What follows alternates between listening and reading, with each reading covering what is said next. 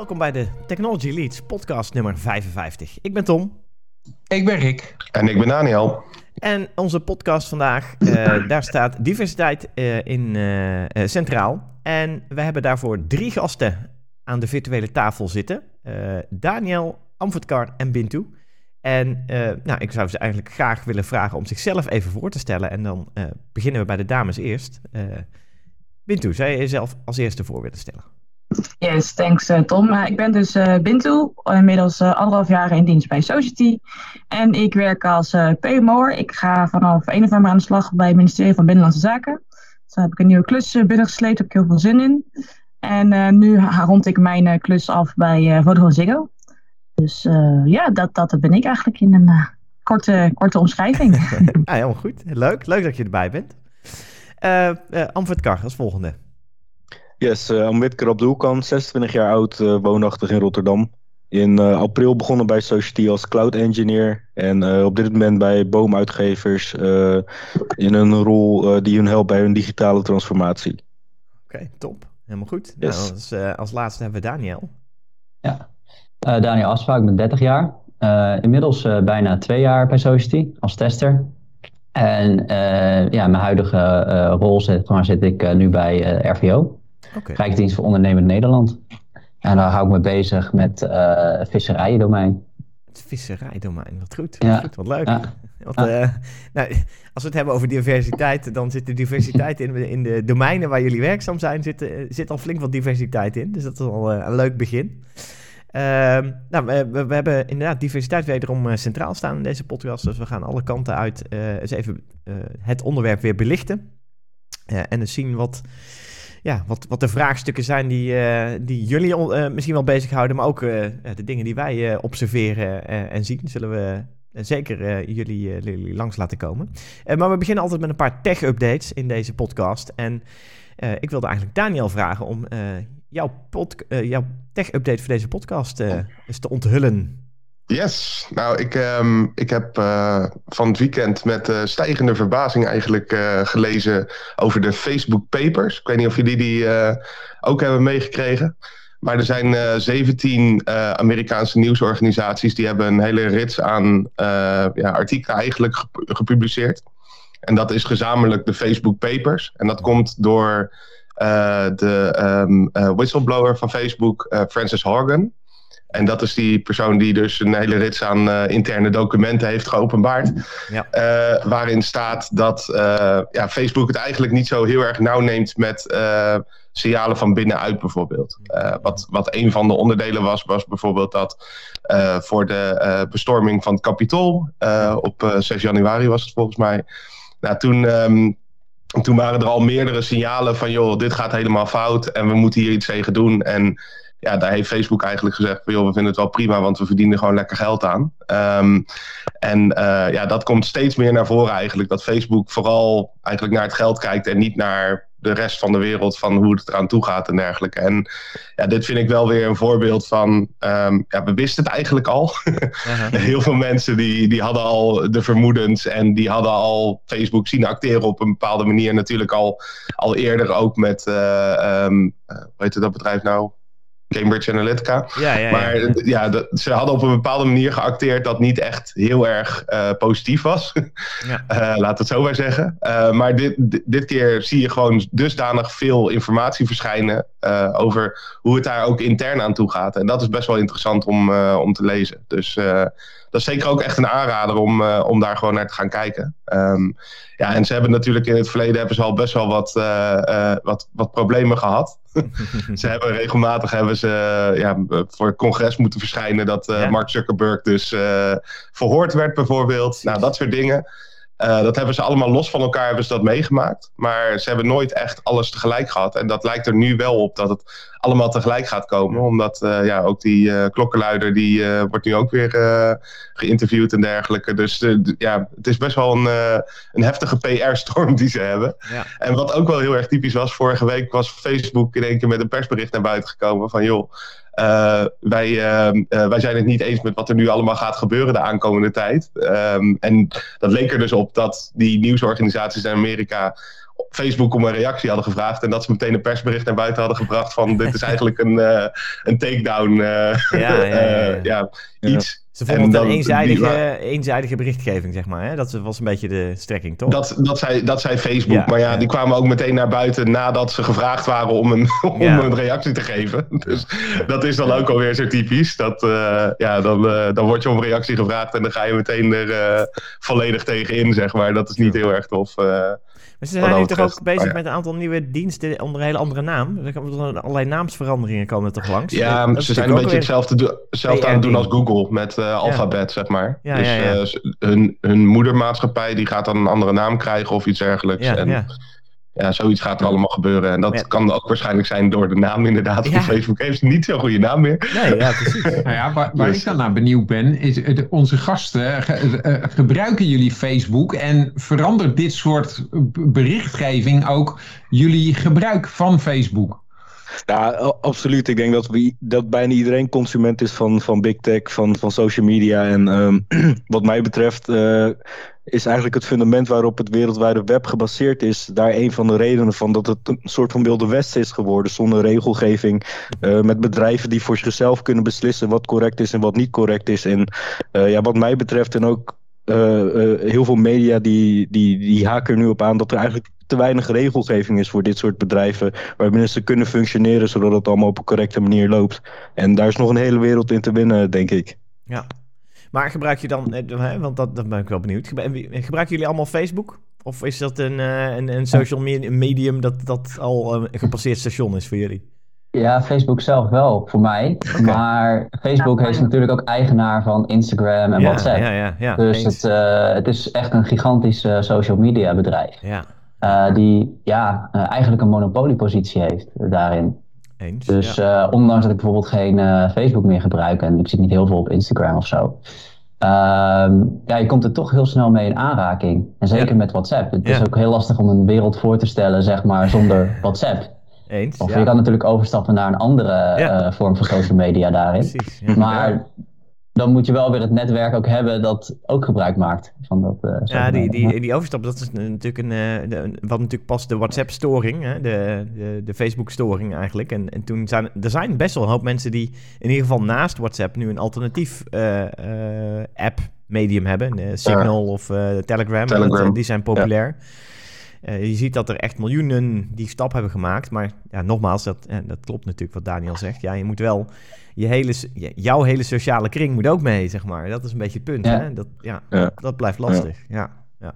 Oké, oké. Ja, het heeft er wel voor gezorgd eh, vroeger had je bijvoorbeeld uh, qua Zuid-Amerika de hele Spaanstalige wereld, zeg maar, die helemaal losgekoppeld was van de Engelstalige wereld. En sociale media hebben er wel voor gezorgd dat al die werelden samen zijn gekomen. Uh, dat, dat is voor mij, voor wat mij betreft, dan wel weer het goede van, van social media, die verbinding. Ja. maar waar het nu heen gaat, wat, wat Daniel ook al aangaf, die, die Capital Riots, dat dat enigszins te maken heeft met, met de algoritmes van Facebook, hoe die in elkaar zitten, ja, dat, dat mag natuurlijk niet. Nee. Nee. nee. ik zit nog even te denken aan dat alles samenkomt, wat je daar nu zegt. Dat klopt natuurlijk, want dat, dat, is, dat is wat er gebeurt, dus dat is mooi. Maar we hebben natuurlijk nog wel een, uh, een, een, hoek, zeg maar, die, uh, die toch nog wat verder weg staat. Uh, neem China bijvoorbeeld, wat natuurlijk een gigantische hoeveelheid mensen is. Waar we, ja, die niet samenkomen in, in, in dit stuk social media. Die natuurlijk hun eigen omgeving blijven houden. Er was laatst nog nieuws over, toch? Dat LinkedIn die ging weg uit, uit China. Die, hebben nu, uh, ja, die gaan nu ook weg uit, uit China. Die zaten daar nog, maar die hadden zoveel regels waar ze aan moesten voldoen.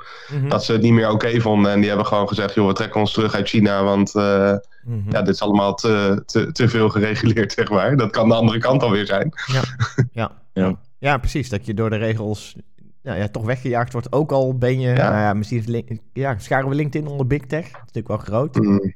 Misschien net niet. Ja. Net niet. LinkedIn is wel een bekend social medium social media. Ja. En het is ook een onderdeel LinkedIn is mijn grootste social medium. Uh, de, de, afgezien van WhatsApp, dat vind ik niet echt een social medium, want dat is meer een communicatiemiddel. Ja. Maar, maar van de, de WhatsApps, de ins, of de, de Facebooks, Instagrams en, en et cetera, gebruik ik eigenlijk alleen LinkedIn vaak. Ja. ja. Ja. ja, het is wel een beetje de vraag natuurlijk. Want Tom, wat jij zei over gebruik je Facebook. Nou, ik heb een tijdje geprobeerd om Facebook gewoon te ontwijken. Ja. En toen had ik op een gegeven moment, en daar was ik me helemaal niet bewust van voordat ik het kocht, maar ik heb een uh, VR-bril heb ik gekocht, een Oculus. en uh, het eerste wat gebeurde toen ik dat ding aanzette was, uh, joh, geef je Facebook-account op. Ja, ja, ja, En ik zat echt van, wat de hel, moet ik hier een Facebook-account invullen? ik dacht, joh, ik registreer gewoon even een accountje op je e-mailadres of wat, maar de enige mogelijkheid was Facebook. Ja. Dus ik zat echt van jemig, joh. Ja, ja, toen moest ik er toch weer aan. Ja, ja, ja, ja, Zo ben ik dan ook alweer. Hè. Ik ga dat, dat brilletje natuurlijk niet terugsturen. Nee, nee, nee. nee, nee. Zo nee en het is ook een stukje gemak. Heel veel websites uh, waar je kan inloggen. Dan is er gewoon een heel mooi knopje login met Facebook. Uh, tenminste, tot een aantal jaar geleden. Nu heb je natuurlijk veel meer alternatieven. En dan was het gewoon makkelijk om, als je een Facebook-account had, om, uh, om snel een website binnen te komen of een account aan te maken ergens. Dus ook een stukje gemakzucht, denk ik. Ja. En ik denk ook uh, een stukje vertrouwen in sommige opzichten. Bijvoorbeeld met reizen heb ik ook gebruik gemaakt van de apps uh, Couchsurfing of Airbnb. En mhm. daar wordt zeg maar ook uh, met die applicatie gelinkt aan Facebook. Oh, ja. En bijvoorbeeld met Couchsurfing is het zo dat ja, je eigenlijk vreemden ontmoet. Ja. en er toch een beetje validatie wil hebben eigenlijk van hey, is dat een echt persoon die je dan gaat ontmoeten? Of, en dat, dus die Facebook verificatie of dat je dan gelinkt wordt aan een Facebook account, dat geeft dan toch wel ook wel weer een soort van een, een vertrouwen af dat er een echt persoon achter zit of zo. Dat, uh, ja. Ja, dat, uh, ja alsof, want het kan alsnog een, een ja, fake exact, uh, ja, ja, ja, klopt. ja, kan, dat kan inderdaad. Ja. true, true. Oké, okay, um, nou, Facebook Papers dus als, als tech topic item. Helemaal goed, dankjewel. Rick, wat is jouw tech item, tech nieuws item voor deze podcast? Ik zat de, automatiseringsgids nieuwsbrief uh, door te kijken. En, uh, die komt uh, heel vaak langs natuurlijk. En dan mhm. kijk ik even. En toen was er een kopregeltje die mijn aandacht trok. En die kopregel was... Max vooral doelwit van adware. Mm. En toen dacht ik, hè, want ik heb natuurlijk een, een Mac, in ieder geval privé heb ik een Mac. Dus ik mhm. denk, hé, hey, wat is hier aan de hand? doelwit van adware. Ik vond dat gelijk vrij verontrustend klinken. Ja. En ik vroeg me toen af van ja, wat is eigenlijk adware en, en waarom zijn vooral Macs het doelwit? Ja. Nou, toen uh, heb ik eerst dat artikel gelezen. Toen bleek dat het allemaal al een beetje minder erg is dan ik uh, dacht toen ik de, alleen de kop zag. En vervolgens ben ik iets verder gaan kijken. En die zullen we ook in de show notes zetten. Kwam ik op de site uh, malwarebytes.com. Ja. En daar staat een stuk over adware. En wat blijkt nou? Dat Macs zijn natuurlijk bekend omdat daar in intrinsiek goede beveiliging in zit. Um, en het enige waar eigenlijk de Mac nog voor gevoelig is, is adware. En adware is dan een vorm van malware die je vooral heel veel advertenties geeft die je niet wil hebben. Ja. En uh, dus mijn eerste reactie was: poeh, oh gelukkig, het valt nogal mee.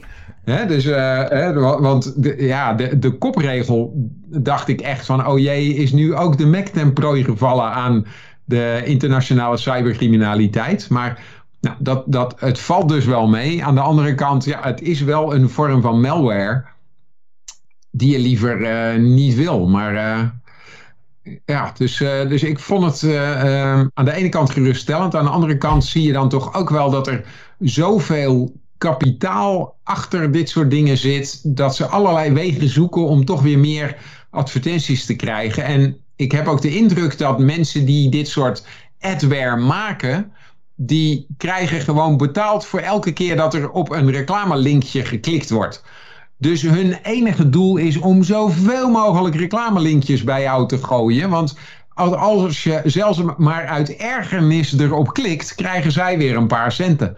Nou, en, en als je dat maar over de hele wereld doet, kun je daar leuk op binnenlopen. Dus nou, dat, ja, ik vond het wel weer een, eh, een bijzonder item. En ik, ik was ook benieuwd of dit, want dat staat er dan weer niet bij, of dat nou op Windows ook een groot probleem is. Dat zal haast wel, maar iemand daar een idee van?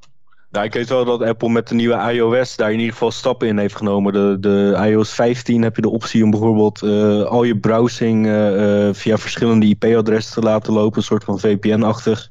Ja. en de optie om een, een soort e-mailadres te gebruiken, wat niet je eigen e-mailadres is bij het aanmelden van, van webshops bijvoorbeeld. die is ook wat uitgebreid bij de nieuwe iOS. Dus daar hebben ze het op die manier aangepakt. En dan is het wachten totdat het in de nieuwe macOS ook geïmplementeerd wordt denk ik. En dan uh, is het probleem weer achterwege, denk ik. Dus zoals altijd blijft het een strijd tussen de... Uh, Kat en muis. Ja, de malwaremakers en, en de oplossers. Ze verzinnen er weer wat. Nou, dat is... Uh, ben, ben blij om te horen, Amvetkar, dat dit, dit probleem ook weer opgelost gaat worden. Ja, en, ja, en er zijn ook hele mooie plugins hè, voor je browser. Ik gebruik bijvoorbeeld Ninja Cookie op, in, op mijn Mac browser om alle, weet dit, al die mooie pop-ups die je krijgt met wat je moet kiezen over het toestaan van cookies en zo allemaal. Dat kun je dan één keer instellen en dan klikt hij altijd oh. gewoon uh, de juiste keuze voor. Je, je hebt natuurlijk bijna niks nodig in cookies. Het is nee, maar voor de, voor de Tom, site om te verzamelen. Dat, dus. dat is een extension in je browser, dus dat zou op zich niet Mac of Windows eigen nee. zijn dan, toch? Dat is overal... In principe zou de, elke browser zou, zou dat kunnen, ja, ja, ja. Maar dat werkt ja, dus prima in macOS ook. Dus ja, prima. leuk dat ze Mac targeten, of veel targeten, maar ja, ik denk dat dat uh, verder niet zo heel eigenlijk niet zo heel spannend hoeft te zijn. Uh, nee. Dus, ja. Maar goed, maar ja, inderdaad. Het is uh, wet van de grote getallen. Hè? Het, het gaat om kliks. Dus ja, hoe, ja. hoe groter bereik je probeert te krijgen. En dat is natuurlijk wel gaande dat het bereik van macOS steeds groeiende is. Nog steeds groeiende is. En dat is natuurlijk bij Microsoft niet, zo, of niet of nauwelijks meer. Want die hebben natuurlijk. Nee, dat is inderdaad wel boeiend. Het, het marktaandeel van Apple ja. blijft groeien. En dat. Ja. dat de Mac is er inmiddels bijna, nou, even kijken, bijna 40 jaar alweer, hè? In 1984. Ja. Ja. En uh, dat begon ooit als een heel kleine niche. En langzamerhand is het gewoon uh, mainstream. Ja.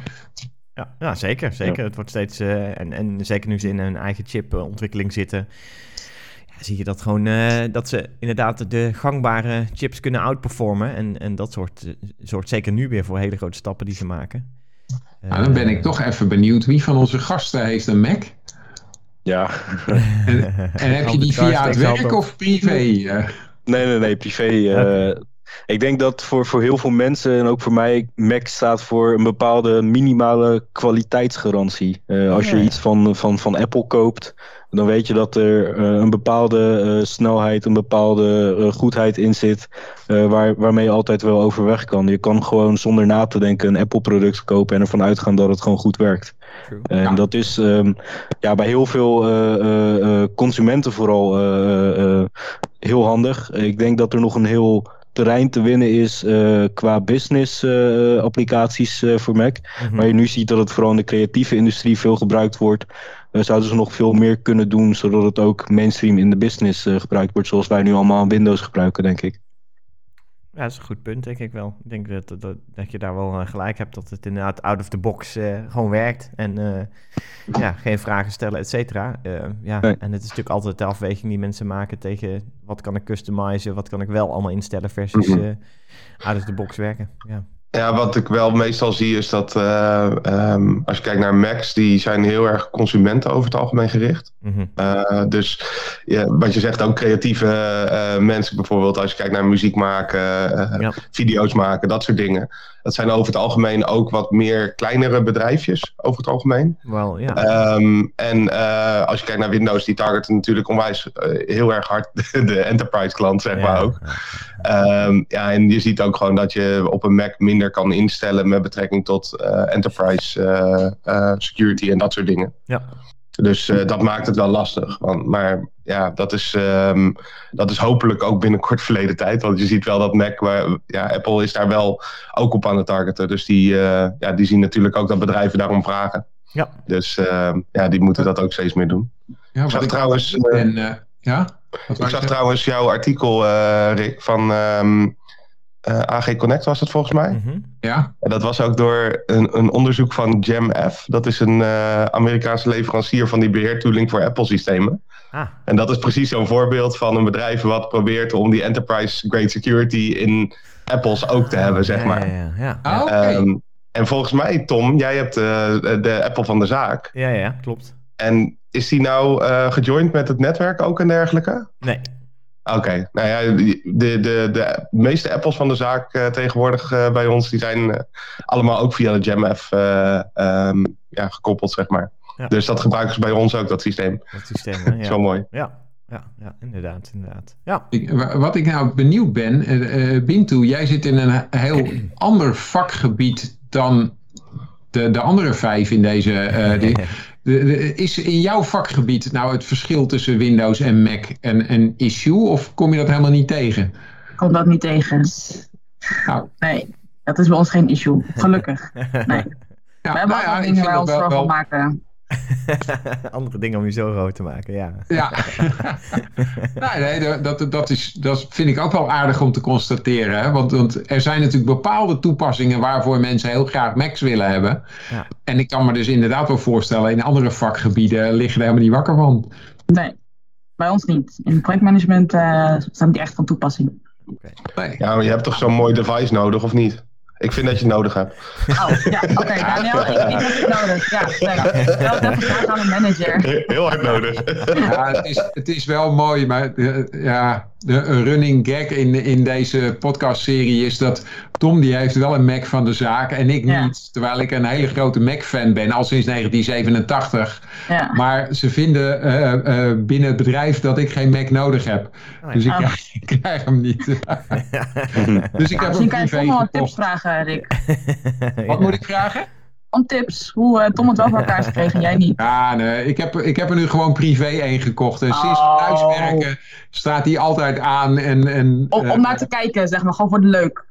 Nou, en uh, ik, ik vind bijvoorbeeld video's maken leuk. En uh, op de Mac gaat dat veel makkelijker dan op een Windows-machine. Ja. Alleen al uh, vanwege de, de capaciteit en zo. Maar goed. Maar goed, voordat we te ver afdwalen, laten we gauw naar Tom's tech-item gaan. Zeker, zeker, zeker. En ik wilde jullie eigenlijk een stukje geschiedenisles uh, gaan geven daarin, in mijn uh, tech-item. Oh uh, Net Rick 87, en nu jij. Ja, ik weet wel, al een jaartallen lang zo gekomen inderdaad. En ehm, nou, ik ga niet jullie een hele echte geschiedenisles geven. maar ik vond het een heel leuk art, artikel over Age of Empires, het computerspel, de videogame. En uh, Age of Empires is natuurlijk typisch historisch spel. Hè, dat de historie uh, soort van uh, doorloopt of kan doorlopen. En het was een heel leuk artikel eigenlijk over dat hoe historische of spellen in, die zich in historische settings afspelen, of die historisch correct zijn of niet. En is dat nodig, is dan de volgende vraag ook. Hè? Moet dat zijn of niet zo zijn? En de schrijver van het artikel die is enorm fan van Age of Empires. En uh, een van de, volgens mij deel 2, toen is hij enorm uh, verslaafd geraakt aan het spel. En hij heeft er ook voor gezorgd dat hij alle middeleeuwse activiteiten die langskwamen, hoe Genghis Khan zijn overwinningen deed, maar ook hoe allerlei kastelen op een gegeven moment in de middeleeuwen ontstonden en weer uh, overvallen waren, uh, et cetera. Maar ook over allerlei um, ja, hoofdpersonen in de geschiedenis van Joan of Arc, Attila de Hun. Um, verzin het maar. hoe die allemaal een rol hebben in de geschiedenis. En die komen allemaal langs in het spel. En dat heeft er uiteindelijk voor gezorgd dat hij een hele hoop stukken geschiedenis heeft uh, ja, nagelopen en ook vakken gekozen heeft op, dat, op het vlak van geschiedenis in zijn schoolcarrière. en kan me best wel voorstellen dat een hele hoop mensen dat hebben. Dus als je iets leuks, een, een leuke setting hebt, nou in dit geval geschiedenis van een computerspel, dat je dan ja, daar ook in, in andere activiteiten, zeg maar, uh, wat ja, geïnspireerd door kunt raken. En ik vond het wel mooi. Ik denk, ja, eigenlijk geschiedenis is niet iets waar we snel, uh, zeker in de techwereld, uh, mee te maken hebben of mee dingen van doen hebben. maar in dit geval zorgt tech er wel voor dat je geïnspireerd kunt raken in nou, even iets heel anders dan, dan tech. En het, het, artikel gaat daarna verder kijken van oké, hoe goed is dan een uh, spel als Age of Empires in geschiedenis? En ja, uh, ze zeggen, de makers zelf zeggen er ook van, ja kijk, we proberen natuurlijk historisch correctheid wel voor te houden. Maar uiteindelijk is het een computergame en uh, is een simulatie. En ja, willen ze gewoon ook de mooiste simulatie doen. En ja, dat zijn twee dingen die soms conflicteren met elkaar. En dan gaat simulatie en speelbaarheid gaan voor historische correctheid, helaas. Maar ja, uh, als je dan een beetje verder na gaat denken, tenminste dat was ik mee bezig, denk ja, dat is een, een stukje mooi stukje gamification uh, om een stukje geschiedenis te leren. Nou, dat is, dat is hartstikke goed. en ja, daar zie je eigenlijk ook maar eens te meer dat gamification en leren heel erg mooi hand in hand gaan. En je zo op die manier ook echt ja, van, van kinds af aan een, een nieuw stuk stof ja, bij iemand naar binnen kunt krijgen en uh, uh, ook echt uh, interesse kunt, kunt wekken voor iets. Dat vond ik eigenlijk wel een mooie boodschap van het geheel. nog even los van het feit dat het stuk geschiedenis altijd leuk is om in te duiken en Ja, en, Wat ik me dan toch afvraag, Tom, is... En, en ik weet dat ik dan een oude knar ben in dit gezelschap, hè, maar in mijn jeugd hadden wij dat soort spellen helemaal niet. Uh-huh. Maar waren wij toch bijvoorbeeld heel erg geïnteresseerd in ridders en in cowboys en indianen en ook allerlei historische dingen. Alleen op een andere manier. Want daar had je dan boeken over of je had er tv-programma's over. En uh, ja, dus... dus nou, onze generatie speelt ook nog steeds wel bordspellen, et cetera, hoor ik. Dus, uh, dus die, die, die manier van beleven is er ook nog steeds wel. Uh, maar het is nu een mix van dat en, en, en de spellen. Wat, uh, nou ja, maar ik, ik zie dus dat het vooral een manier is om iets wat van alle tijden is. Hè, dus die, die, een, een mooie manier om historische dingen te verpakken. Waardoor mensen er meer in geïnteresseerd raken. Hè? Want, want puur een lijstje geschiedkundige feiten uit je hoofd leren, daar zit eigenlijk zo'n beetje niemand op te wachten. Maar dan, de, eh, als je het totale verhaal meekrijgt, dan wordt het opeens boeiend. Ja, ik denk dat een stukje storytelling, dat dat natuurlijk in, van alle tijden is. Hè? De, als we nog veel vroeger uh, gaan kijken, dan uh, zaten mensen rond het haardvuur verhalen te vertellen aan elkaar. Ja. ja. als je kijkt naar de huidige tijd, dan is uh, je had het net over tv-programma's en dat soort dingen. Ja, ik, ik, denk dat de huidige generatie lineaire tv al ver achter zich heeft gelaten. En, nee, inderdaad. Dan, dan moet je meer kijken naar Netflix-series en dat soort dingen. Nou ja, je hebt, je hebt alle ja, mixed media, hè, ze heet dat dan zo mooi. Je hebt allerlei soorten media waarin we informatie tot ons nemen. En games is één van die vormen daarvan. Ja, je ziet dat games gewoon een, een, een grote hoe noem je dat? Een, grote hap neemt uit hoe dat je informatie tot je neemt. Of hoe dat je ontspant, als het ware. Ja, denk ik. En ja, daarom is het natuurlijk steeds belangrijker dat je ook daar goed over nadenkt. Want wat is dan de boodschap die Dan ben ik eigenlijk wel benieuwd of, of gaming dan uh, helpt in het kader van diversiteit of, of het vermindert. Diversiteit in games, dat is een hele goeie. Ja, nou ja, wat, wat sorry, het, het maakt het aan de ene kant toegankelijk voor iedereen. Aan de andere kant kan het ook weer zijn dat je juist heel erg groepjesvorming krijgt binnen je gamewereld. Ja, ik denk dat je in een game kan zijn wie je wilt zijn. Dus uh, je ziet ook heel veel game avatars als je dat zelf mag samenstellen. Dat, uh, dat lijkt heel vaak niet op een echte persoon. Dat is helemaal gecustomized naar hoe iemand fictioneel zichzelf in zo'n game wilt zien. Uh, dus wat dat betreft, ehm, ik zou zeggen, ja, het is, het is een goede stap richting meer diversiteit. Omdat iedereen anders is in, zo, in zo'n game. Ja. Um, aan de andere kant, wat, wat ik ook zeg, je hebt natuurlijk groepjesvorming. Maar dat is meer omdat je je eigen vrienden, je eigen personen die op je lijken opzoekt om, om zo'n game dan vaak te spelen. Maar um, in eerste instantie uh, een positief effect lijkt mij. Spe uh, spelen jullie allemaal games? Iedereen? Uh, niet meer zoveel als vroeger. Niet meer zoveel als ja. vroeger? Bintu? Ik was vroeger wel echt fan ook van Age of Empires. Dus dat, ja. Oké, okay, Age of Empires. Oké, okay, ja, goeie, goeie. Ik zie Bintu ook hoofdschuddend inderdaad kijken. Uh, alleen hoor ik er niet meer nu, op de een of andere onduidelijke reden. Uh, maar misschien dat we in de tussentijd even kunnen kijken of dat werkt. Maar ik ben wel benieuwd, als we het dan hebben over games en diversiteit in een game. Zou je, hoe, ja, hoe, hoe ziet je avatar eruit? Wat, wat, hoe ziet jullie avatar eruit in een game?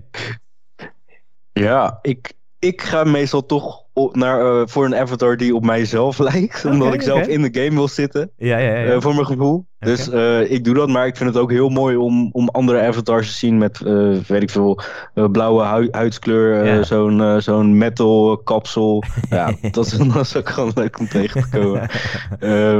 dus ja, het, het, is persoonlijk, persoonlijke voorkeur. Ja, En ehm, maar wel leuk dat als je iets wilt, uh, als je qua uiterlijk iets in zo'n game kan veranderen, dat het met, met, met een knop kan. Uh, en ja, daardoor wordt ook niemand echt per se in zo'n game gebaseerd op uiterlijk buitengesloten, wat helaas in de realiteit wel weer gebeurt. Dus ja. Um, ja.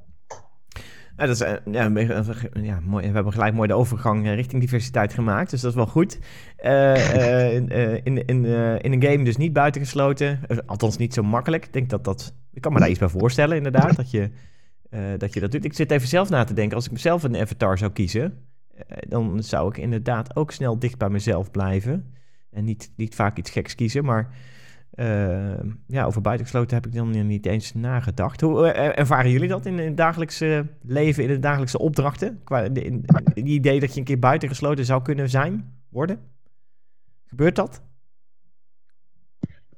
Ja, ik, ik denk vooral heel veel onbewust. Ehm, tegenwoordig. Uh, omdat iedereen zich wel een beetje bewust is van Hey, ik ga niet uh, uh, sec iemand buitensluiten gebaseerd op zijn afkomst, gebaseerd mhm. op zijn huidskleur, gebaseerd op zijn naam. Ja. Uh, maar die unconscious bias, waar jullie het ook heel veelvuldig over gehad hebben, de vorige podcast, die, die is er nog wel degelijk. Ik zal een klein voorbeeld geven over een bijbaan. Dat is niet direct een, een opdracht, maar mm -hmm. ik deed heel veel ZZP in, in de horeca, retail, et cetera. Okay. En um, ja, als er dan iemand gekozen moest worden voor, voor het draaien van een kassasysteem, dan was ik altijd een van de laatste die, die, die gekozen werd. Ah, en, en een, uh, ja, een vrouwelijk meisje uit een christelijk dorp, die werd dan altijd als eerste gekozen voor dat soort taken. Hè, dus, dus het onderling vertrouwen bijvoorbeeld, die is er eerder bij personen die, waarvan we weten of waarvan we denken die ligt dichter bij ons dan, dan iemand die, die, die dat verder weg uh, ligt, zeg maar. Oké, oké. Ja, ja, ja. Oh, en ja, ja, ja dat, dat valt in principe niet op als het één keer is, hè, maar als het vijf keer achter elkaar gebeurt, dan is die kansverdeling van, van, uh, daarvan er ook alweer uit. Dus dan, dan voel je ook echt dat het iets structureels is. En ja, dat, dat kan best wel pijn doen als dat uh, stelselmatig gebeurt. Mm -hmm. dan heb je een beetje het idee van, um, ja, waarom word ik steeds niet uitgekozen voor dat soort uh, functies, voor dat soort taken? Ja. En, um, en dat is iets wat, wat er wel nog steeds is, helaas. Ja, ja. Ja. Daar ben ik ook benieuwd. Merken jullie dat nu in, in, uh, in opdrachten, zeg maar? Want in, uh, uh, op zich heb je natuurlijk... Als je op een gegeven moment in je opdracht zit... kan ik me voorstellen dat je in een omgeving zit... waarin je op een gegeven moment iedereen kent en geaccepteerd bent zoals je bent. Hè? Iedereen is, is hoe die is en, en, en werkt lekker samen. Eh, maar wij maken natuurlijk in onze, uh, in onze domeinen allemaal wel mee dat je van de ene opdracht naar de andere gaat. Nou, Bintu had het daar net al over, hè, dat ze een ja. ene opdracht aan het afronden is en nu naar een leuke nieuwe opdracht aan het toe bewegen is. -huh. Mhm. dan hebben we intakes, dan praten we met nieuwe mensen. hoe ervaren jullie dat, dat je ehm, misschien minder makkelijk gekozen wordt? Is, is, dat, is dat een ding of niet? Of is dat helemaal geen issue meer? Ik zie Bintu hard nadenken. Ja, ik zit na denken. Want zelf um, ervaar ik dat niet zo uh, dat dat uh, zeg maar, qua intakes een issue is. Oké. Okay. Uh, wat ik, waar ik vaker tegenaan loop, we hadden gisteren met de jongens ook over, hebben we even toen tijdens voor de voorbereiding over gehad, ja, ja. is um, het stukje doorgroeien. Oh, ja. dat, je, dat je ziet dat er onderaan de, de, de, de piramide, zoals we het mooi noemen, wel veel kleur is en vrij veel man-vrouw diversiteit. Maar hoe hoger je kijkt, hoe minder je dat ziet. Hmm. Dus dat is hetgeen wat mij uh, eerder opvalt, of waar ik zeg maar meer mee zit, dan als het gaat om intakes of sollicitaties. Mm -hmm. uh, dus, dus, ja, dat, uh, dat, dat valt mij op. Okay, en ik ben benieuwd hoe we dat patroon zouden kunnen doorbreken. Mm. Mm, ja, dat, dat is wel echt iets wat, wat je bij meerdere bedrijven ziet. Ik heb het ja. ook bij twee andere grote bedrijven gezien. En daarin is iedere keer de toplaag uh, van een bepaalde gender, van een bepaalde ja. huidskleur, uh, van een bepaalde uh, achtergrond. Leeftijd. En dat doet helemaal niks af aan de kwaliteit. Dat, net aan te dat denken. doet helemaal niks, uh, niks af aan de kwaliteit van die personen. Dat wil ik ten eerste gezegd hebben. maar het zorgt er wel voor dat, dat young professionals zoals wij dat zijn... minder perspectief hebben om op een dag ook die functie te bekleden. Als er geen persoon is die daar al zit, uh, ja. dan denken wij bij onszelf van, is het wel realistisch dat ik van mezelf wil dat ik daar ook een, op een dag terecht kom? Ah, ja. En je hebt bij bepaalde beslissingen dat je denkt van, hmm, zou die persoon zich ook uh, in mijn situatie kunnen inleven? Zou die persoon ook uh, bij bepaalde beslissingen gedacht kunnen hebben van, hoe uh, heeft deze beslis beslissing impact op, op, op mij als persoon? Um, dus, dus die twee dingen heb je dan als je die, die diversiteit in, in het management een beetje mist. Dus echt een, rol, kan, echt een rolmodel. Kan daarbij, zeg maar. ja. Ja. maar kan daarbij te ja. maken hebben dat dat een, een generatieding is? Want Hmm. in, van mijn generatie zijn er gewoon... dat is een minder diverse generatie. Toen ik op de basisschool zat was de, de diversiteit bestond eruit dat wij een meisje met een Spaanse achtergrond en een meisje met een Italiaanse achtergrond hadden in de klas. En daar zouden we tegenwoordig in het kader van diversiteit niet eens meer over nadenken dat dat, dat, dat anders is, weet je. En, en, maar dat waren de gastarbeiders in de jaren zestig. Die ja. kwamen uit Spanje en, en Italië. En, en in de jaren zeventig op de middelbare school kwam er, kwam er één Turkse jongen in de klas bij. En, en tegenwoordig ja, is dat totaal anders. Als ik kijk bij mijn kinderen in hun klasse, ja, dat was al veel diverser en anders. Dus ik, ik, eh, mijn positieve hoop is dat het met het groeien van de leeftijd vanzelf meegroeit. Maar ik ben wel benieuwd of jullie dat dan zien. Want dan zou je wel om je heen moeten zien dat dat ook inderdaad gebeurt. Maar Rick, is het een vereiste dat iemand die in het management van Society zit dan uit de jaren 60 komt? Is er een leeftijdsbepaling? Nee, nee, maar, ik, maar ik zie wel dat in mijn leeftijdscategorie is de leeftijdscategorie van de mensen die op topposities zitten. er zijn weinig mensen onder de 50 op topposities. En, en uh, dus die mensen die op topposities zitten, zaten op dezelfde tijd als ik op de basisschool. Ja. Ja, Ik, ik, ik, ik, ik kan me enigszins in jouw verhaal vinden, Rick. Aan de andere kant vind ik het een klein beetje het kip-en-ei verhaal. Want we hebben nu ook over uh, om heel kort het bruggetje te leggen naar uh, vrouwen in de technologie sector, breder dan de IT. Ja. Uh, wordt nu gezegd uh, dat komt omdat er weinig vrouwen zijn die voor die opleidingsrichting kiezen. Maar dat heeft er ook mee te maken dat vrouwen en mannen, die rolverdeling tussen man en vrouw, vanaf kinds af aan op een bepaalde manier gedaan wordt. Zodat vrouwen veel vaker kiezen voor bijvoorbeeld een studie psychologie en mannen veel vaker voor een technologische studie. Dus waar begin je ja, met het veranderen? Dat, begin je. Begin je dat hangt dat, dat hangt wel van opleiding eh, of opvoeding af. En, en dat zeg ik dan met een, met een uh, ervaringsgetal van N is 3. Namelijk, ik heb drie dochters en die hebben alle drie een master in een beta-vak. Oké. Ja. Maar, maar hè, dus, dus blijkbaar zijn wij heel erg beta gericht. Of heb ik toevallig dochters die die kant mooi vonden of zo. Maar, maar, uh, en, en dan zie je ook, de eerste werkdag die mijn oudste dochter had uh, die, die ging op een ontwerpafdeling van een fabriek werken. Toen kwam ze daar binnen en toen vroeg ze: waar is hier het damestoilet? En toen zei ze: damestoilet. Oh, ja. Ja, want zij was de eerste vrouw op die hele afdeling. in die fabriek waren ze dat helemaal niet gewend. dus, uh, de, en toen moest ze ook een overal hebben. En toen zeiden ze: Oh, wat voor maat heb je? Nou, small. Oh, die hebben we niet. ja, ja, ja. En, en dan zie je inderdaad dat er best nog een wereld te winnen is. Uh, in, uh, maar het wordt wel beter, denk ik. Ja, ja, nee, wat, wat, ik, wat ik meer probeerde te zeggen is... Um, um, je moet op alle vlakken uh, eraan werken. Niet alleen uh, aan het begin ja. bij, de, bij de basisschool, maar ook al in, in dat management. Hè. Als, je, als je naar het management van Society kijkt, 26 topfuncties. Um, nou, volgens mij zit daar geen één persoon van een cultureel divers achtergrond bij. zes vrouwen. Mhm. Ehm, en als je dat, uh, het maatschappelijke weerspiegeling daarvan is, 24% van de Nederlanders heeft een cultureel diverse achtergrond. Ja. dus die link die, die mist ook een klein beetje. En ja, het, het kan inderdaad kloppen dat, dat, dat personen uit de jaren 60, 70, waar jij het over hebt, Rick, dat die minder divers zijn. Maar dan denk ik bij mezelf, is, is, is die leeftijd dan ook echt een, een, een ding? Zijn er geen enkele functies in het management te nou, bedenken ja, vind je onze, onze topman uh, van Capgemini Groep dan een uh, goed voorbeeld? Ayman Ezat? Ja, ja, zeker. Ja, absoluut. Het is wel interessant, als je naar onze Franse collega's kijkt en daar naar het management kijkt, dan is dat veel diverser als dat je dat in Nederland ziet, hè? Ja. Dus je, Ik heb toevallig ook inderdaad even een aantal verschillende entiteiten bekeken uh, dan betrekken we ons nu eventjes op de Capgemini groep. Maar goed, dat zal voor, voor meerdere bedrijven gelden. Ik denk dat een land als Frankrijk, als we het dan even wat breder pakken. Als je daar kijkt, dat de culturele diversiteit in, in bedrijven, techbedrijven, veel groter is dan dat die in Nederland is. En, en ik vraag me af hoe dat kan hoe dat, hoe dat is. Ik bedoel, ja, niet, zijn... niet alleen Frankrijk. als je kijkt op, de... op de agenda staat, zeg maar. Ja. Bij Capgemini. Ja, en Capgemini is natuurlijk, ik, ja, volgens mij ook een stuk groter dan uh, Society is. Mm -hmm, Dus die hebben ook, uh, buiten het feit dat uh, uh, ze alleen in Nederland actief zijn, of de Nederlandse tak van Capgemini, moet dat ook weer spiegelen in hun ja, bedrijfsvoering wereldwijd. Ja. Dus ik denk niet dat daar zeg maar, de Nederlandse tak uh, veel op achter kan blijven dan, uh, ja, dan op een gegeven moment in het algemeen. Ja, maar ik zat, ik zat even te denken met hoe, hoe andere landen, want natuurlijk ook een land als Frankrijk heeft natuurlijk te maken met uh, een, een, hoop immigranten. Hè? Ook historisch gezien zijn er natuurlijk ook een hele hoop mhm. mensen uh, die kant uitgekomen voor, uh, nou, ook als gastarbeiders, net zoals dat in de, nou, de jaren zestig in Nederland is gebeurd.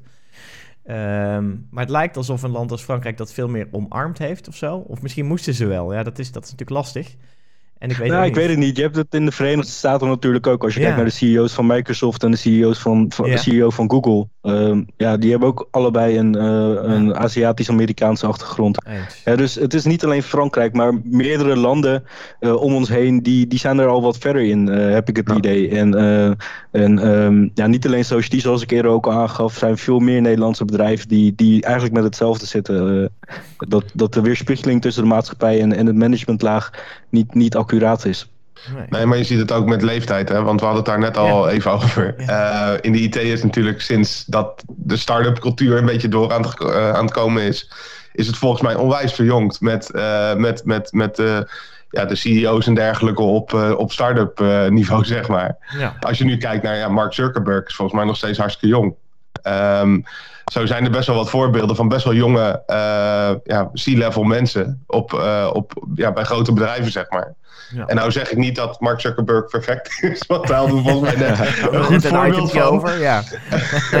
maar um, nee, ik, ik, ik, denk wel dat uh, die leeftijd bijvoorbeeld, ja, ik, ik vind het wel een dingetje dat uh, als we kijken naar management, management van ons, is volgens mij bijna alles is in de, uh, ja, die zijn 50 of ouder, of ja. rond de 50, laten we het zo zeggen.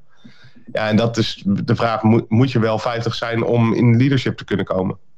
Dat is een goede ja. vraag. Want je hebt, ja, je hebt natuurlijk uh, je hebt natuurlijk een, een, een soort historical background. Hè? Ik denk dat dat het grote verschil is tussen start-ups en nou, bestaande bedrijven, zoals een uh, Capgemini. Maar dat geldt natuurlijk ook voor bedrijven als een Philips of, uh, of ASML waarschijnlijk. Hè, als ja. andere grote bedrijven erbij pakken. Die hebben natuurlijk een lange historie, zeg maar. En die hebben dus een, een zogenaamd established management. Ja? En, en, en dat zijn typisch ook functies die niet op jaarlijkse basis wisselen. Sterker nog, als je een stabiel bedrijf wil hebben, dan wil je juist iemand hebben die 10 plus of 20 plus jaar misschien wel op een bepaalde positie zit. En historisch gezien uh, uh, zijn dat dan uh, nou, witte, blanke mannen hè, die uit de jaren 60 komen, helaas. Um, maar als je naar start-ups kijkt, die hebben natuurlijk een veel kortere levensloop. en dus. Ja, maar dat is aan de andere kant. meer in een, in een cultureel landschap dan dat een, een established bedrijf is. Ja, het is ook weer niet zo, maar goed, dat is een beetje advocaat van de duivel spelen. Het is ook niet zo dat je als bedrijf moet zeggen, nou, uh, we hebben een geweldige CEO, die is echt fantastisch. Ja, jammer, witte blanke man, hij moet weg.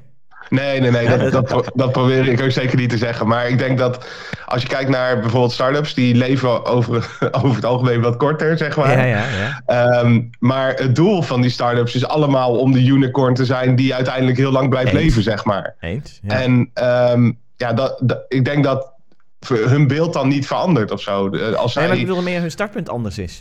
Ja. Omdat je in het nu start, hè? In, het, in, in deze ja. generatie start. En dan start je... Maar ik denk dat het ook goed is om wat meer jongere mensen bij het management te betrekken. Ja. Omdat je anders de link naar je young professionals, naar je, de grootste core van je, van je workforce ja. een beetje mist. Hè? En dan maak je beslissingen voor een, voor een groep uh, waar, waarbij je zelf eigenlijk niet helemaal meer bij hoort qua, qua leeftijd dan. Ja. Nou moet ik wel zeggen, dat doen ze ook. ja, binnen Society hebben we toch ook best een hoop managers van rond de 30. Jawel, jawel, jawel. Ik ken er best een behoorlijk aantal uh, die, die inderdaad al jong manager zijn hoor. Ja. Jawel, dat, is, dus... dat gebeurt gelukkig ook wel. Er wordt wel naar geluisterd. Maar het is wel een punt dat je voor grote beslissingen, hè, echt grote, ja, voor alle werknemers. En, en, dat, en dan is het gros is inderdaad van een jongere leeftijd. Ja, die worden genomen, die beslissingen, door de. Ja, door, uh, en dan, uh, de, ja, door een oudere oudere persoon, zeg maar, die, die misschien Facebook geraadpleegd heeft. en denkt dat dat hip is. en, en, daar is een keuze op baseert, bij wijze van spreken. Ja, ja. Nou ja je ziet wel bij bedrijven steeds meer dat ze proberen ook om de connectie met jongeren te zoeken. Dus wat je ook bijvoorbeeld bij ons ziet, um, uh, bijvoorbeeld Joost en Marco en dergelijke, die zitten ook regelmatig aan tafel ja. met een uh, groepje mensen van Young Society bijvoorbeeld. Ja. Uh, en dat is dan zogenaamd het Jong MT. Um, en dat, uh, ja, dat, dat, soort dingen, dat soort ontwikkelingen vind ik op zich wel goed. Dat ze daar in ieder geval wel naar luisteren. Dat ze wel echt zoeken naar wat, wat is jullie mening er nou over en dergelijke. Ja. Um, dus ja, dat, ze, ze, do, ze doen er wel iets aan. maar het is natuurlijk, uh, ja, ik, ik ben benieuwd hoeveel dat oplevert in ieder geval. Dus uh, dat, ja, wat, dat is ook een beetje de vraag. Wat, wat ik me nou zat af te vragen, waar ik benieuwd naar ben, is, is elk van onze drie gasten uh, uh, wat jouw idee nou is wat een goede aanpak of een goede actie zou zijn om iets te doen aan, aan bewustwording of daadwerkelijk verandering op dit gebied. Nou, Hebben jullie daar een voorbeeld van? Ja, sowieso moet het management wat concretere doelstellingen uitspreken wat dat betreft, wat mij betreft. Uh, Um, als je nu ziet wat, wat, wat jij in de vorige podcast over diversiteit ook al aangaf, Rick, dat het percentage vrouwen bij Society eigenlijk de afgelopen 40 jaar min of meer stabiel is gebleven rond de 10%. Ja, dan mag wat ambitieuzer qua doelstelling uh, wat mij betreft. Er mag ook een doelstelling bijkomen wat betreft cultureel divers uh, management uh, functies. Um, of cultureel divers workforce binnen Society in het algemeen bijvoorbeeld. Want dat is er nu helemaal niet. En zodra je die doelstellingen als management uitspreekt, dan kunnen initiatieven zoals het cultureel diversiteitsteam, waar wij alle drie in zitten binnen Society, die kunnen veel meer tractie krijgen, die kunnen veel meer autoriteit krijgen en de veranderingen die wij willen doorvoeren kunnen daardoor ook wat meer uh, uh, ook daadwerkelijk doorgevoerd worden eigenlijk. Ja, als aanvulling okay. wil ik, wil ik uh, zeggen dat dat meer deel moet worden van het DNA van Society. Ik heb nu het gevoel dat af en toe uh, gebruikt wordt als uh, wij, wij straat uit naar de buitenwereld. Af en toe een post op LinkedIn. maar ik denk dat je daar veel meer in kan betekenen als je gewoon echt zegt van wij vinden dit belangrijk, wij staan hiervoor. Um, ja, maak er inderdaad een doelstelling van. Maak, het, mhm. maak er een beleidsplan van. En zorg gewoon dat het gebeurt omdat je het blijft zeggen. Een beetje net als uh, uh, weet het, de CO2-reductie, zeg maar. Hè? Dat er nu heel concrete ja, doelen gesteld zijn. van, nou, in dat jaartal willen we dit en dat jaartal willen we dat. Ja, ja iets op dit, dat niveau. Transparant over blijven. Ja. Wat, wat zei je, Daniel?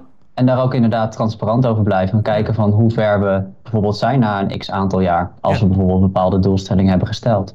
Ja. Dat is wel interessant. En, en denk je dan oh, dat het niet in de hand zou werken dat er mensen dan maar aangenomen worden om aan die doelstelling te voldoen. Want, want dat is natuurlijk altijd het, uh, uh, wat in ieder geval met vrouwen aan de top altijd al werd geroepen. Is dit nou de beste vrouw voor de functie? Of is dit de enige vrouw die we konden krijgen voor die functie? Ja, ja dat, dat is één van de dingen. Maar de andere dingen waar wij ook op hameren is meer training om die unconscious bias bij jezelf te identificeren bijvoorbeeld. Hè? Dus we pakken het oh, van twee kanten aan. Dus aan de ene kant inderdaad die doelstellingen, zodat je ergens een, een, een, een eh, punt in de toekomst, een punt op de horizon hebt om naartoe te werken. En aan de andere kant uh, zorgen we er ook voor dat er tools zijn, uh, zodat uh, dingen die ervoor zorgen dat die doelstellingen niet behaald worden op dit moment, dat, dat die weggenomen worden, die drempels. Hè, dus we pakken het van verschillende kanten aan, zodat we uiteindelijk bij, bij dat doel terechtkomen. Het is niet een, een blinde target en we zien wel hoe we daar komen, zeg maar. Nee. Wat wel leuk is, ik heb een tijdje terug inderdaad een onderzoek gedaan naar diversiteit en inclusiviteit binnen de hele groep. En dat, dat ging inderdaad ook over van oké, wat, wat kun je nou, wat, wat zou je nou moeten doen inderdaad? En een aantal van die dingen die je zou kunnen zeggen is, nou ja, uh, het management van, noem Capgemini, noem Society, geeft, maakt niet uit, uh, moet in uh, nou, 2025 bestaan voor een bepaald percentage uit nou, aantal culturele diverse key indicators en, en uh, leg dat op. Um, uh, en dan moet je maar naartoe groeien. Hè? Ik bedoel, er is niet voor niks een tijdje terug ook geweest dat de Technische Universiteit Eindhoven uh, alleen nog maar vrouwen ging aannemen voor, uh, als hoogleraren bijvoorbeeld. Dat is gewoon een, ja. Een, ja, dat is de enige manier om, om een bepaalde verandering teweeg te brengen. Dus dat, dat kun je wel doen. Um, maar de grap is wel, of de grap, het interessante is van oké, stel dat je die doelstelling hebt en je wilt het ook meten. Want dat wil je dan ook. Hè? Je wil ook kijken hoe ver sta ik dan ten opzichte van die target. Dan kom je wel in een stuk privacy terecht, wat nogal lastig is. Want dat was wat wij in ons onderzoek hadden. Van nou, we kunnen best wel een target neerzetten. Maar ja, je hoeft niet, je hoeft niet, sterker nog, we leggen niet vast welke etnische achtergrond je komt, welke religie je aanhangt, welke uh, seksuele voorkeur je hebt, welke uh, huidskleur je hebt, et cetera, et cetera. Ga zo maar door. Hè, dat, dat leggen we niet vast. Dat is, dat is een niet ethisch ja, iets om vast te leggen. Maar dat is bijna wel iets wat je zou willen meten. Hoe, ja, hoe, kijken jullie daar naar? In, in, Nederland, in Nederland wordt dat niet vastgelegd. Maar als je bijvoorbeeld een sollicitatie doet bij een Amerikaans bedrijf... dan oh, moet je al dat soort dingen wel invullen. Dan moet je je etniciteit invullen, je afkomst, uh, je hmm. talen die je spreekt. Dus daar wordt dat weer wel vastgelegd. Dus um, je zou het ook niet hoeven verplichten wat mij betreft, maar je kan het wel op een vrijwillige basis kunnen uh, vragen aan mensen van sta je ervoor open om aan ons te vertellen wat jouw afkomst is, bijvoorbeeld. Ja. Uh, en dan ja. heb je wel weer KPI's om mee te sturen richting je doelstelling. Ja, ja. ja of hoe je je ook identificeert. Ja, precies. Oh, zo. Ja, ja, ja. ja ik zat net gelijk te denken nu dat ze zegt van Amerika doet dat wel. En, en we, hadden net geconcludeerd dat ze wat verder waren in, uh, op die diversiteitsladder dan wij. Hè? Uh, ja. dus, uh, maar als ze dat dus vastleggen, dan dat, dat helpt natuurlijk ook om makkelijker die stappen te maken, misschien.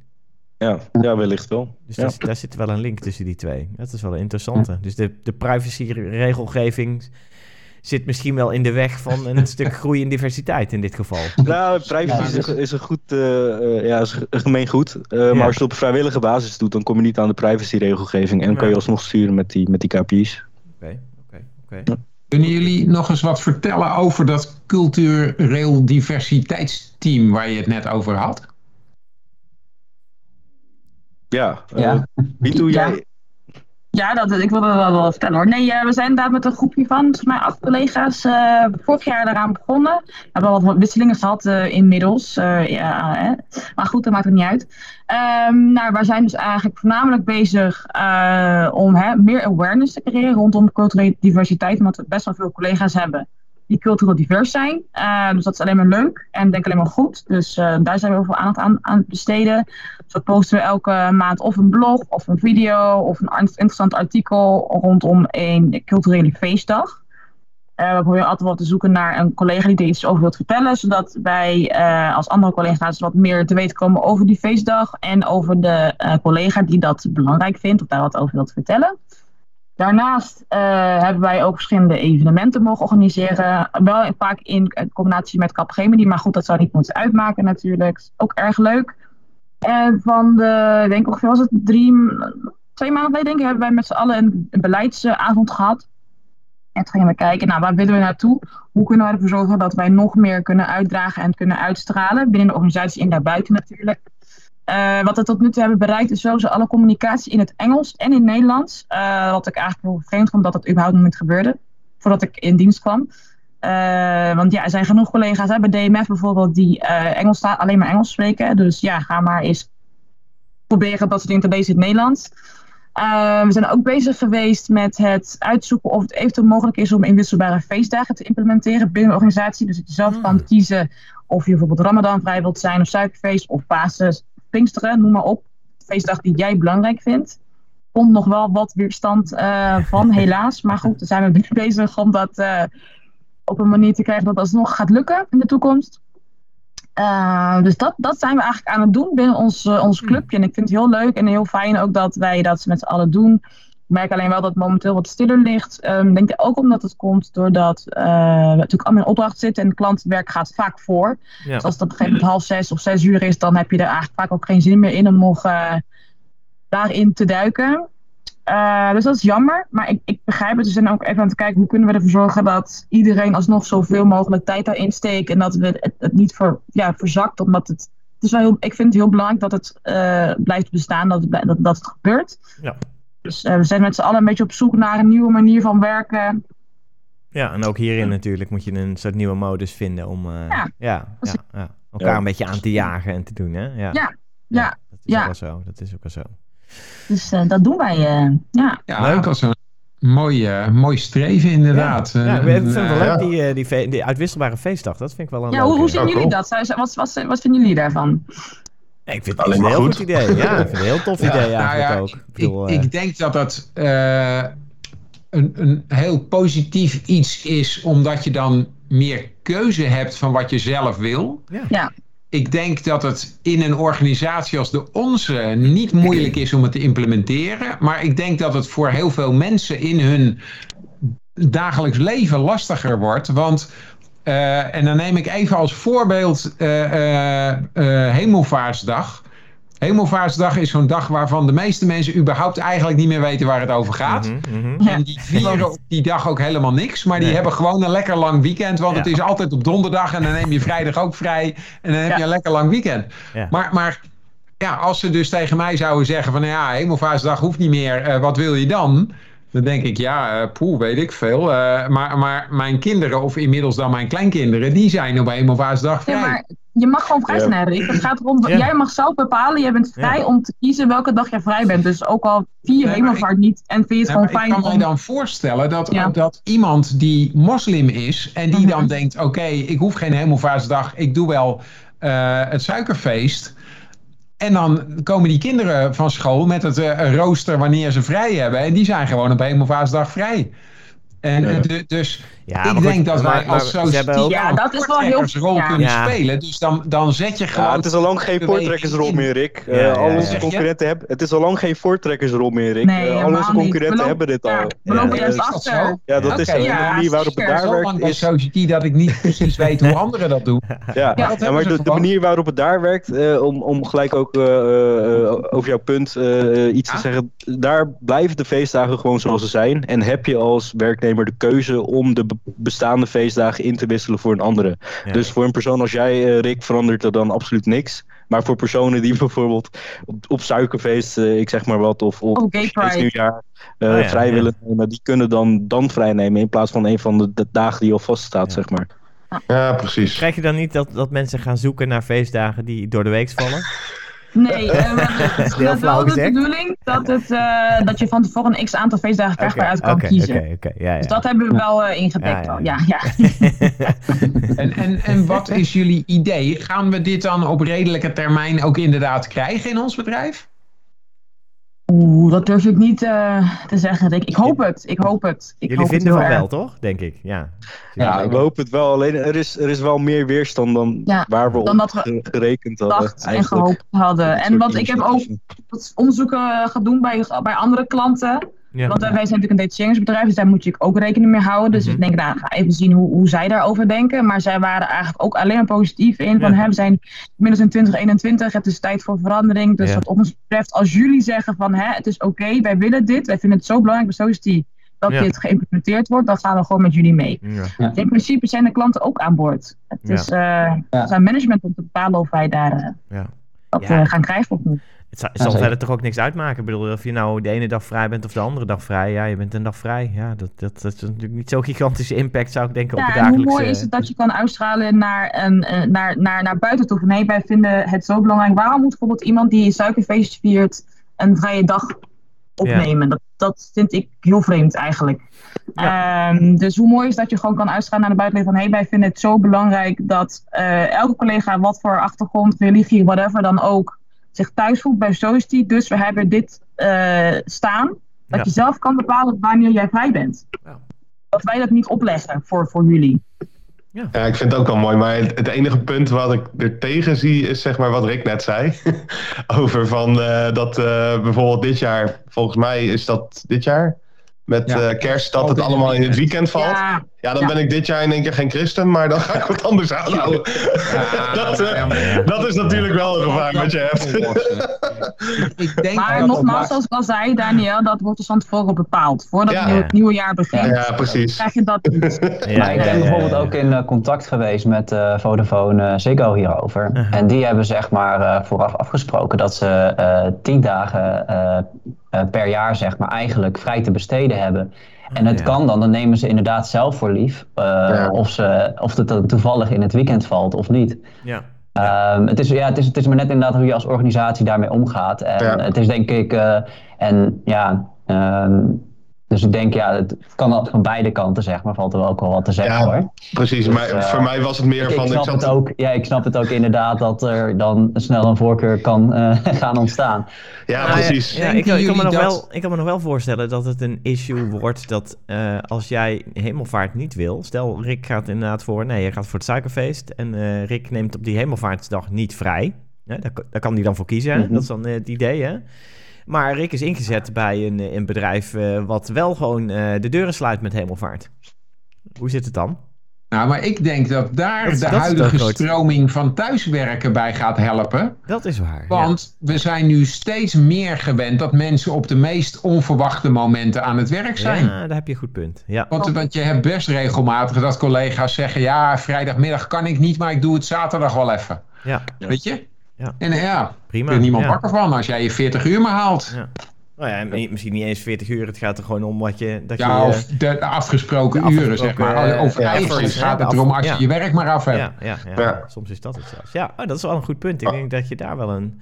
Dat het thuiswerken daar wel bij kan helpen, inderdaad. Ja. onderaan de streep moeten we dit gewoon doen, natuurlijk. Ja, We zaten net een beetje oh, naar, uh, naar redenen te zoeken om het niet te doen, maar... Uh, nou ja, ik ben wel Ik bedoel, er zijn genoeg redenen om het wel te doen. Ja, ja. Deze podcast expliciet even onder de aandacht brengen van een aantal mensen. Ja, juist, juist. Wij zijn het er allemaal mee eens in ieder geval. Dat is, dat is wel mooi om, uh, om mee te concluderen, denk ik. Want ik zit ook even naar de tijd te kijken. We, zitten al, we zijn al een uur onderweg, dus ja, ik wilde er toch ook een eind aan gaan breien aan deze podcast. En nou ja, het feit dat we nu een uur bezig zijn, uh, dat, dat moet erop uh, op duiden dat we er gewoon uh, dat, dat dit soort lopend thema blijft in, in onze podcast-series, lijkt me.